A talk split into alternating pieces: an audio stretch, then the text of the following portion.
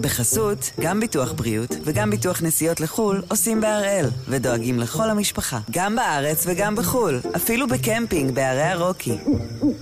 כן, גם שם, כפוף לתנאי הפוליסה וסייגיה ולהנחיות החיתום של החברה. היום יום שני, 4 באפריל, ואנחנו אחד ביום, מבית N12.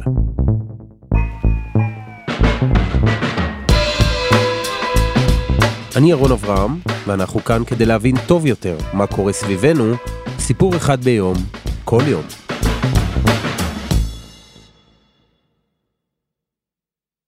הרבה דברים נאמרו על היכולת של הממשלה הנוכחית לשרוד לאורך זמן, אבל החוט שקישר בין כל הטענות הוא שאירועים ביטחוניים עשויים או עלולים, תלוי כמובן את מי שואלים, להיות הטריגר שבסופו של דבר יוביל לפירוק הממשלה.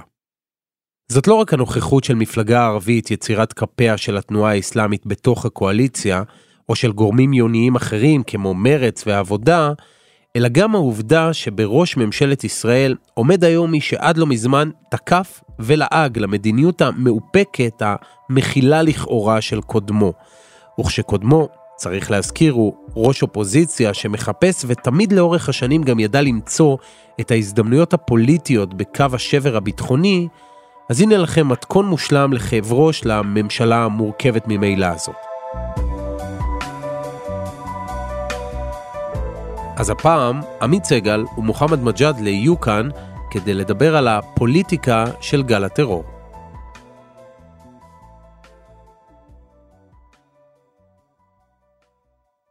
עמית שלום. שלום ירון. אתה בטח זוכר את האמירה של איילת שקד לפני הבחירות, ממשלה שנשענת על מפלגות ערביות. ממשלה שנשענת על המפלגות הערביות, הידיים שלה אזוקות, היא לא יכולה לצאת למבצע בעזה אם צריך, כי הממשלה תיפול. היא לא יכולה להתעמת עם הרשות הפלסטינית, אין מה לעשות. לא היא חושבת כך גם היום? אה, אני חושב שלא, קודם כל הכורח הוא אה, אבי ההמצאה, אבי ההסתגלות, הם עכשיו תלויים ברע"מ. אין ספק שאם איילת שקד הייתה באופוזיציה היית שומע אותה מדברת על רע"מ. אה, כמו שזה היה קורה הפוך גם אתה יודע אם נתניהו היה מקים ממשלה בתמיכה מבחוץ של רע"מ היית שומע מהאופוזיציה את סער והאוזר וחבריהם מדברים על זה אבל במובן הזה אה, אתה עד לאירוע אה, חסר תקדים. אז בוא נדבר על ראש הממשלה כי הזכרת את, את הפערים שיש בין מה שאומרים לפני הבחירות ומה שאומרים אחרי. יש פער בין בנט בשבתו כראש אופוזיציה או חבר קבינט לעומתי לבין בנט בשבתו בלשכת ראש הממשלה?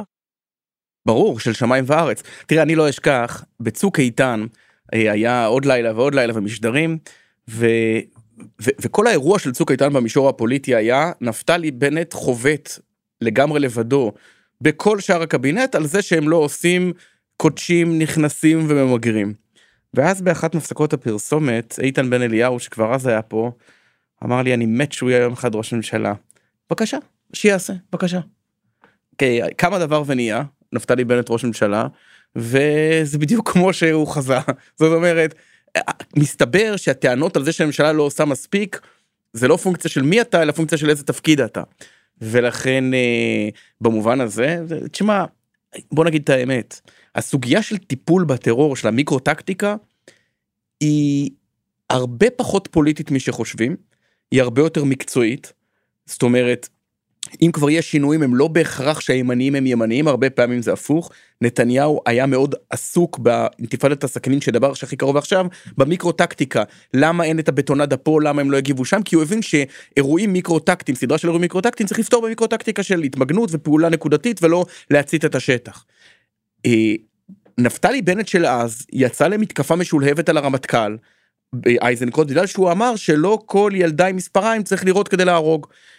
אה, במובן הזה האירוע הביטחוני של טיפול בגל טרור בניגוד לאירועים אחרים כדוגמת חומת מגן וכולי הם לא אירועים שאם אתה ימני אז אתה עושה x ואם אתה שמאלני אתה עושה y ואם הייתי מראה לך ככה באופן עיוור את כל הממשלות איך הם הגיבו לגלי טרור לא ספק אם היית יודע לזהות את ההרכב הקואליציוני לפי זה הביקורת שיש כמו היא, היא לא בדיוק לדעתי על המעשים היא על ההרכב הקואליציוני. אז תכף נדבר על זה, אבל, אבל קודם מאחורי הקלעים בתוך הממשלה. יש מתיחות פנימית כי בכל זאת מרכיבים את הממשלה הזו, מרכיבות אותה שמונה סיעות שונות. ראינו את זה קצת בטרמינולוגיה, כן? בין לפיד לבין לבין בנט עם גל טרור ערבי לבין פשוט גל טרור, גם בהקשר של איך מתייחסים לגינוי הפלסטיני, אבל פערים מהותיים יש? לא, זה בעיקר בטרמינולוגיה, כמו שאתה אומר. זה בשאלה לאן זה הולך מכאן. אבל הוויכוחים הרטוריים האלה משרתים כרגע את שני הצדדים. בנט הוא ימני שאומר הטרור ערבי ולפיד אומר לא להכליל את כולם, וזה נוח לכל הצדדים. להגיד לך שיש איזשהו הבדל, אתה יודע, מה שעשוי לרדוף את ה... מה שרודף את הימין היום זה 12 שנים שהוא היה בשלטון שכל דבר שהממשלה עושה אומרים אבל אתם לא עשיתם.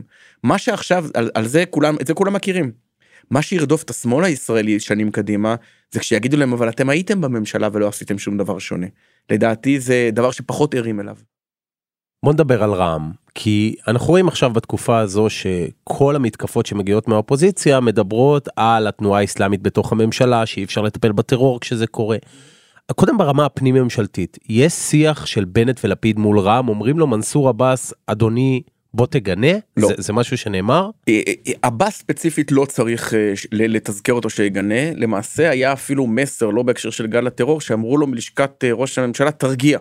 אתה יותר מדי ציוני זה מסכן אותך כבר בתוך הבייס שלך. עד כדי כך. כן אתה לא חייב להגיד שאנחנו בעד שמירה על הביטחון וממלכתיות סוף ציטוט.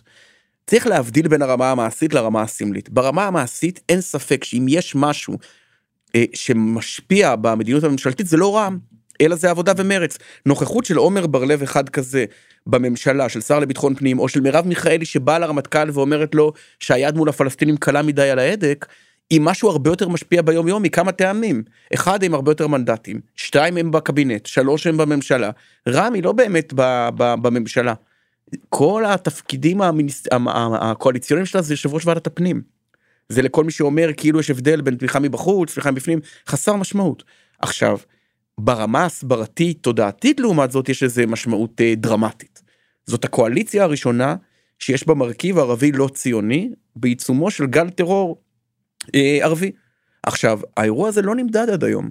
הדבר הזה הוא דבר אה, סופר משמעותי מכמה טעמים אחד כל ממשלה קשה לה להתמודד עם גל טרור זה ברור.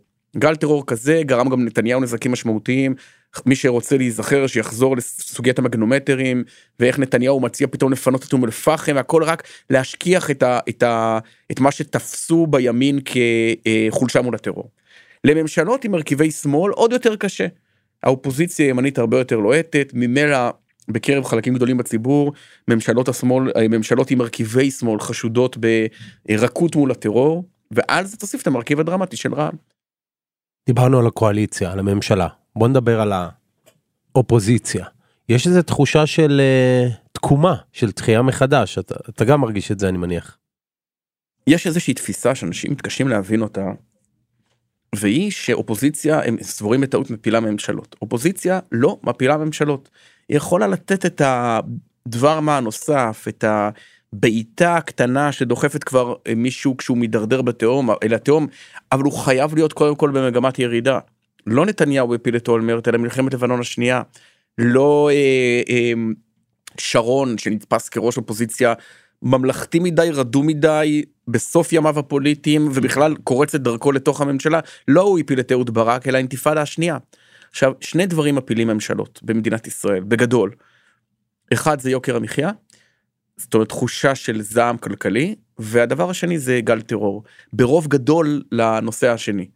יתרה מזלה של ממשלת בנט ובחודש העשירי לקיומה יש לה את שניהם. אה, גל טרור גל אחד שלפי החשד נמצא רק בתחילתו והגל השני שבוודאות נמצא רק בתחילתו וזה גל ההתייקרויות. הבעיה המרכזית של נתניהו עכשיו תקן אותי אם אני טועה מבחינת השיפוט שלי זה שאחרי 12 שנות שלטון שהוא יכול היה לעשות את כל הדברים האלה שהוא הטיף להם אגב בשלל תחומים לא רק בתחום הזה של הטרור זה לכאורה שומט את הטיעון מתחת כן, לרגליו. אין לזה שום משמעות אלקטורלית אני אסביר גם למה. למה? פוליטיקה זה לא על תשובות זה על שאלות אתה לא צריך לשכנע אנשים לנקוט x או y אתה רק צריך שהדיון יהיה במגרש שלך אם אתה גבוה תשחק כדורסל אם אתה שרירי תשחק פוטבול אם אתה יש לך זריז רגליים תשחק כדורגל. כלומר אף אחד לא זוכר שהוא לא עשה? זה לא רלוונטי כל עוד הדיון יהיה במסגור הביטחוני על מי אתה סומך יותר שיתמודד עם גל טרור אז נתניהו מנצח. אם הדיון הוא כלכלי כבר פחות בטוח. עכשיו יהיו שיגידו רגע אבל נתניהו הצלחות כלכליות זה לא משנה שוב הנה זה לא משנה. כי פחות אנשים נמצאים בימין הכלכלי מאשר בימין המדיני ביטחוני. אם הדיון הוא על כתבי אישום אז נתניהו באופסייד זה לא משנה ש45% אומרים הוא זכאי אבל זה לא ה-60% שאומרים שנמצאים בימין הביטחוני זאת אומרת לבנט יש פה משימה שהיא הרבה יותר קשה משל אחרים זה בכלל לא משנה איך הוא יתמודד עם גל הטרור הוא נמצא בדפנסיבה הדוגמה הקלאסית של זה היא אהוד ברק. אהוד ברק מבחינתו התמודדות בנושאים ביטחוניים מול נתניהו לא הייתה רק סוגיה מקצועית איך לנצח בחירות הייתה עניין אישי הוא המפקד שלו בסיירת מטכ"ל. הוא ראה את עצמו אסטרטג מול נתניהו טקטיקן ואז מגיעות בחירות 99 ראש בראש והיועץ האסטרטגי של אה, ברק ג'יימס קרוויל אומר לו אתה לא תוציא מהפה את המילה ביטחון אתה לא תוציא את זה וברק התקומם ואז הוא הראה לו בסקרים שאין לו מה להיכנס לאזור הזה ולכן אהוד ברק עם הרגישות החברתית הידועה שכל ימיו התגורר ב... ב אתה יודע בקרווילות וצריפים מדבר על הזקנה במסדרון כי הוא מבין שרק ככה הוא מנצח באותו אופן כאשר יש גל טרור זה בכלל לא משנה. עכשיו אני אתן דוגמה למה הדבר הזה הוא כל כך חשוב. מה היה הרגע ש... אני חושב שהיו שני רגעי שפל של נתניהו עד היום מבחינת דעת הקהל הראשון זה התמונה שלו על המזוודות בנמל התעופה נדמה לי של סן פרנסיסקו. שהראתה איך נלקר איך נגזזו מחלפות ראשו כראש ממשלה. זה לא תמונה שנתניהו אי פעם היה מצטלם איתה מרצונו. והדוגמה השנייה זה בנט שנוסע בשבת לפוטין ואז לברלין וזה כי הוא לקח לו את האלמנט את האלמנט של הדילוגים ופתאום הרבה ישראלים אמרו רגע רגע רגע זה לא ליגה אחרת כמו הפוסטר הענק הזה שנתלה במצודת זאב ערב הבחירות עם פוטין ועם טראמפ. זה, זה אולי אולי נתניהו אלוף הליגה אבל זה שניהם בליגת העל וכל ראש ממשלה שיבוא יהיה בליגת העל. ברגע שאתה מגיע לנושא הביטחוני שם זה כבר הרבה יותר קשה לבנט. אז כשנתניהו אומר שהממשלה לא יכולה להילחם בטרור בצורה קשוחה כיוון שהיא תלויה בקולות התנועה האסלאמית, הוא לא מנסה לערער את מעמדו של מנסור עבאס. לא, של בנט. רוב גדול של הציבור, גם מי שדוגל בשיתוף פעולה יהודי-ערבי, כאשר אומרים לו ממשלה עם גורמים אסלאמיים מתקשה להתמודד מול טרור אסלאמי, יקנה את האירוע הזה. זה, זה, זה, זה עניין די פשוט בדעת הקהל. אז בנימין נתניהו אולי זיהה את ההזדמנות, אבל יש כאן עוד שחקן פוליטי, יושב ראש רע"מ, מנסור עבאס, שהוכיח שגם הוא, איך נאמר, לא ממש פראייר. אבל קודם, חסות אחת קצרה, וכבר חוזרים.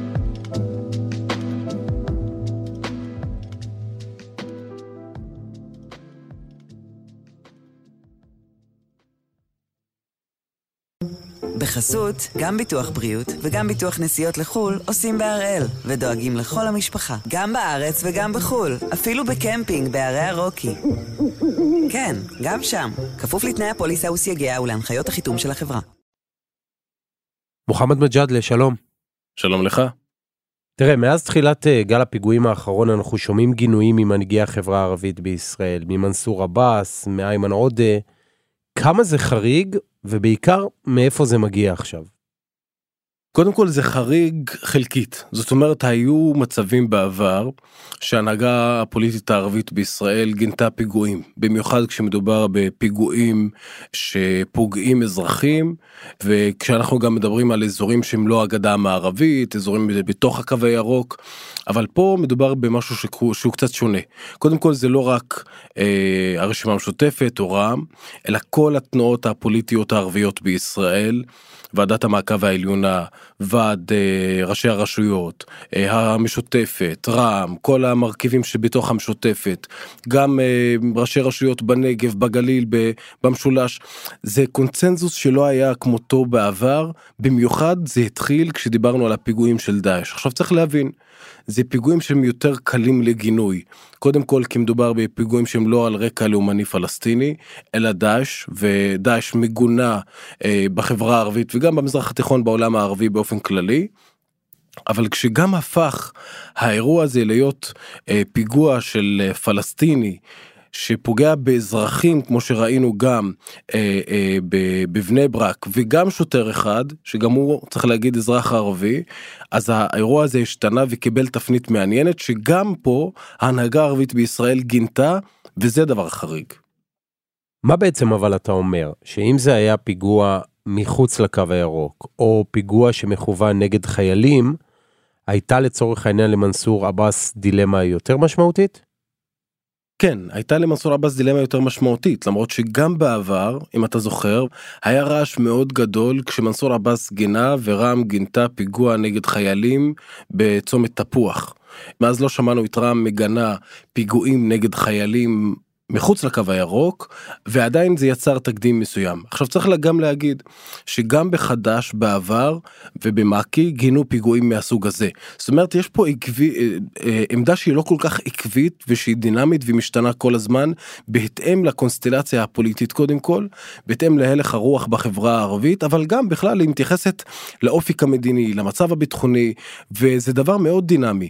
יש מצב שהייתי אומר שאולי אם רע"מ לא הייתה בקואליציה, אם לא היה לנו את כל המצב הפוליטי שיש היום, עם הממשלה הנוכחית, לא היינו שומעים את הגינויים האלה ולא היינו רואים את כל מה שאנחנו רואים פה לאחרונה. מעניין, דיברת על, על הלך הרוח בחברה הערבית, וזה בדיוק מה שמעניין אותי, האם למנסור עבאס, מבחינה ציבורית פנימית ערבית, היה עדיף לשתוק כרגע ולתת לגל הזה לעבור מבלי שהוא מגיב אליו? חד משמעית לא. והסיבה היא פשוטה. קודם כל, החברה הערבית מהבחינה הזאת יש דברים שאתה מזהה אותם רק בדיעבד.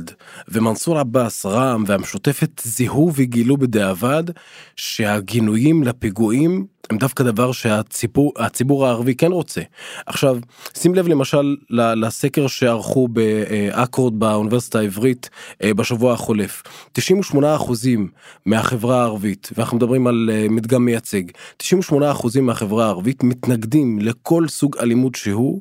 ולא משנה מה, נגד האזרחים היהודים. עכשיו זה נתון חשוב במיוחד. הנתון הזה מסביר עד כמה מנסור עבאס ורע"מ והמשותפת וההנהגה הערבית הפוליטית בישראל קלעו ל- לרצונם של הציבור הערבי בישראל לכן זה הכל יצא אה, ויצר מין קונצנזוס חסר תקדים אה, אפשר להגיד במובן הזה.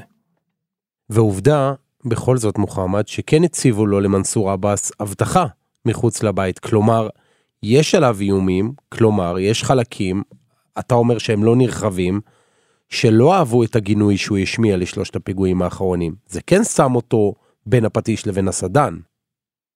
צריך להגיד, יש 300 עצורים עד הרגע הזה, בחשדות שהם מזדהים או תומכים או תכננו לעשות אה, פיגועים בהשראת דאעש. זאת אומרת בחברה הערבית יש גם שוליים והשוליים אותם אנשים או אותם גורמים הם לא רק מאיימים על מנסור עבאס כן הם מאיימים על מנסור עבאס ומאיימים על חברי כנסת אחרים ואין ספק שהמהלך בכלל של מנסור עבאס ורע"מ להצטרף לקואליציה הוא חסר תקדים והוא גורם להרבה תופעות לוואי וגם גורם לתגובות מהסוג הזה. ואין ספק שהחברה הערבית היא חברה מגוונת מאוד. אה, חברה שיש בה הרבה מחלוקות זאת חברה גם שעברה בשנתיים האחרונות תהליכים טקטונים משני קיצונים. זאת אומרת מאירועי מאי ועד למפלגה ערבית שנכנסת לקואליציה ו- וזה ממש שני ניגודים שהחברה הזאת עוברת. ותמיד צריך להסתכל על המצב הזה. זאת אומרת החברה הזאת שאחרי שנת 2000 שוטר אחד לא יוכל לכנס לערים הערביות היום מבקשת וזועקת ופותחים בה תחנות משטרה. השינוי הדרסטי הזה השינוי הדרמטי הזה בתוך החברה הערבית ולכל שינוי יש תופעות לוואי חלק מתופעות הלוואי זה מה שראינו של דאעש מה שראינו בבאר שבע מה שראינו בחדרה מה שאנחנו רואים מהאיומים האלה על מנסור עבאס הקונפליקט הזה והאירועים האחרונים הם גם מדליקים אש פנימית בתוך החברה הערבית בין אה, דרוזים למוסלמים בין נוצרים למוסלמים והמטרה. המטרה פה, וזה גם אחד הדברים החשובים, המטרה פה הייתה של ההנהגה הערבית בגינוי הנרחב הזה, גם להוריד את הלהבות בתוך החברה הערבית ולא רק בכל מה שקשור לחברה הישראלית הכללית.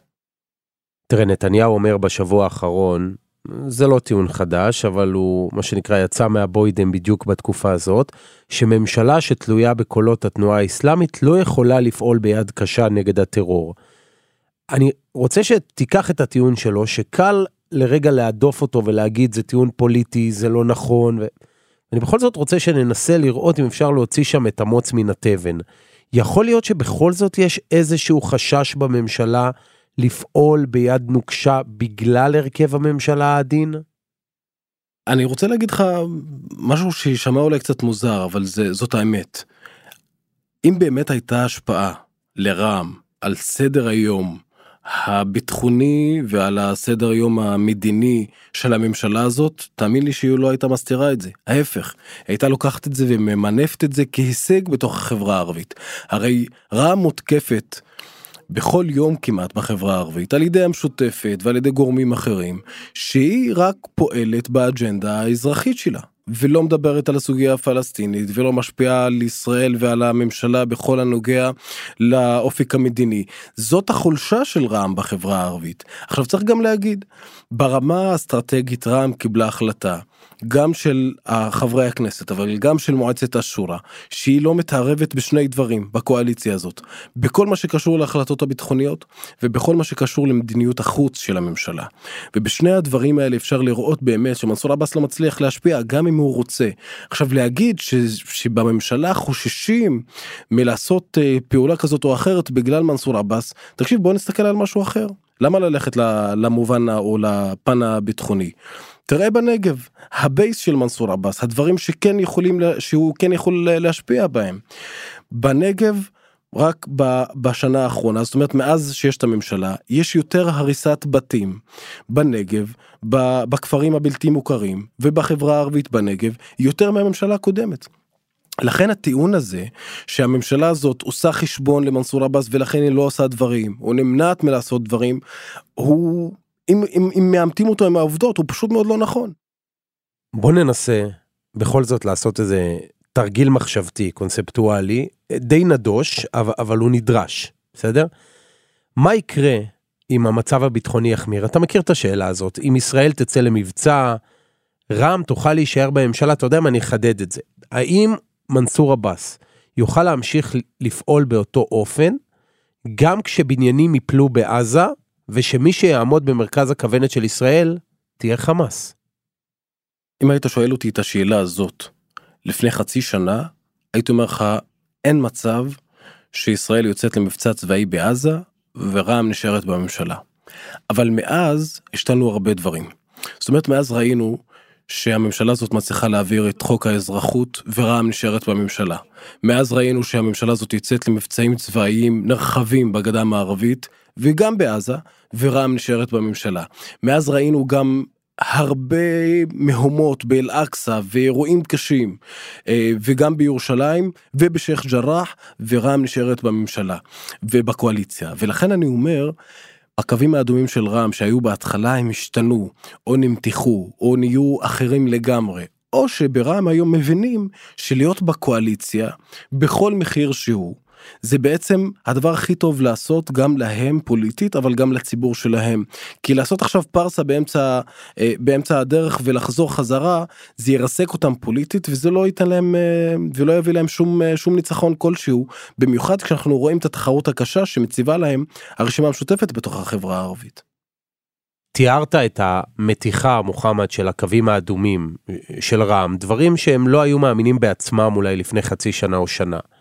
זה לא מזיק להם באיזשהו אופן בתוך החברה הערבית, או שהם הולכים אחרי הלכי רוח בחברה הערבית ולכן זה מתכתב עם זה?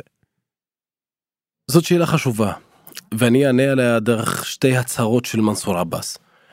הראשונה שישראל היא מדינה יהודית נולדה כמדינה יהודית ותישאר כמדינה יהודית והשנייה שישראל היא לא מדינת אפרטהייד. שתי האמירות האלו לא היו מתקבלות בכלל בחברה הערבית אם מנסור עבאס היה אומר אותם לפני שנה. עכשיו שים לב, סקר שערכה הרשימה המשותפת כדי לבחון את האמירה הזאת של מנסור עבאס בנוגע לישראל מדינה יהודית והיא שאלה את הציבור הערבי עד כמה הוא מסכים או לא מסכים בין 30 עד 40 אחוזים מסכימים עם האמירה של מנסור עבאס בחברה הערבית זה דבר חסר תקדים.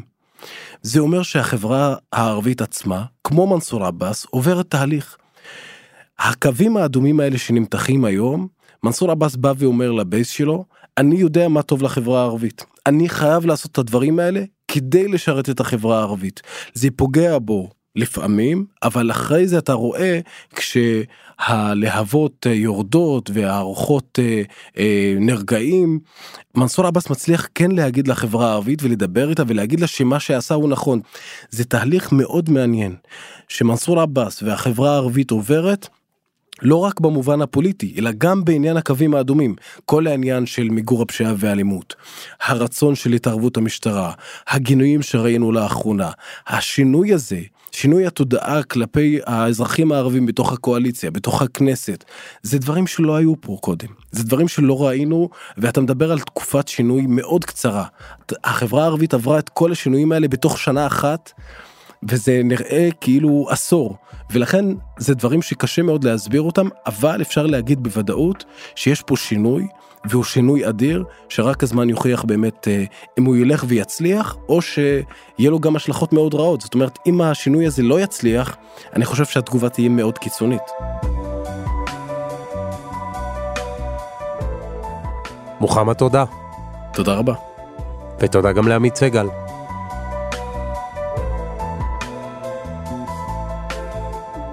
וזה היה אחד ביום של N12.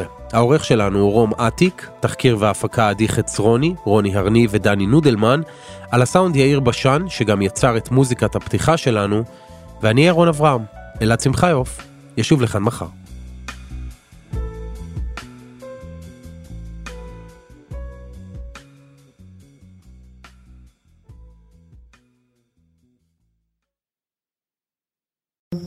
בחסות, גם ביטוח בריאות וגם ביטוח נסיעות לחו"ל עושים בהראל, ודואגים לכל המשפחה, גם בארץ וגם בחו"ל, אפילו בקמפינג בערי הרוקי. כן, גם שם, כפוף לתנאי הפוליסה וסייגיה ולהנחיות החיתום של החברה.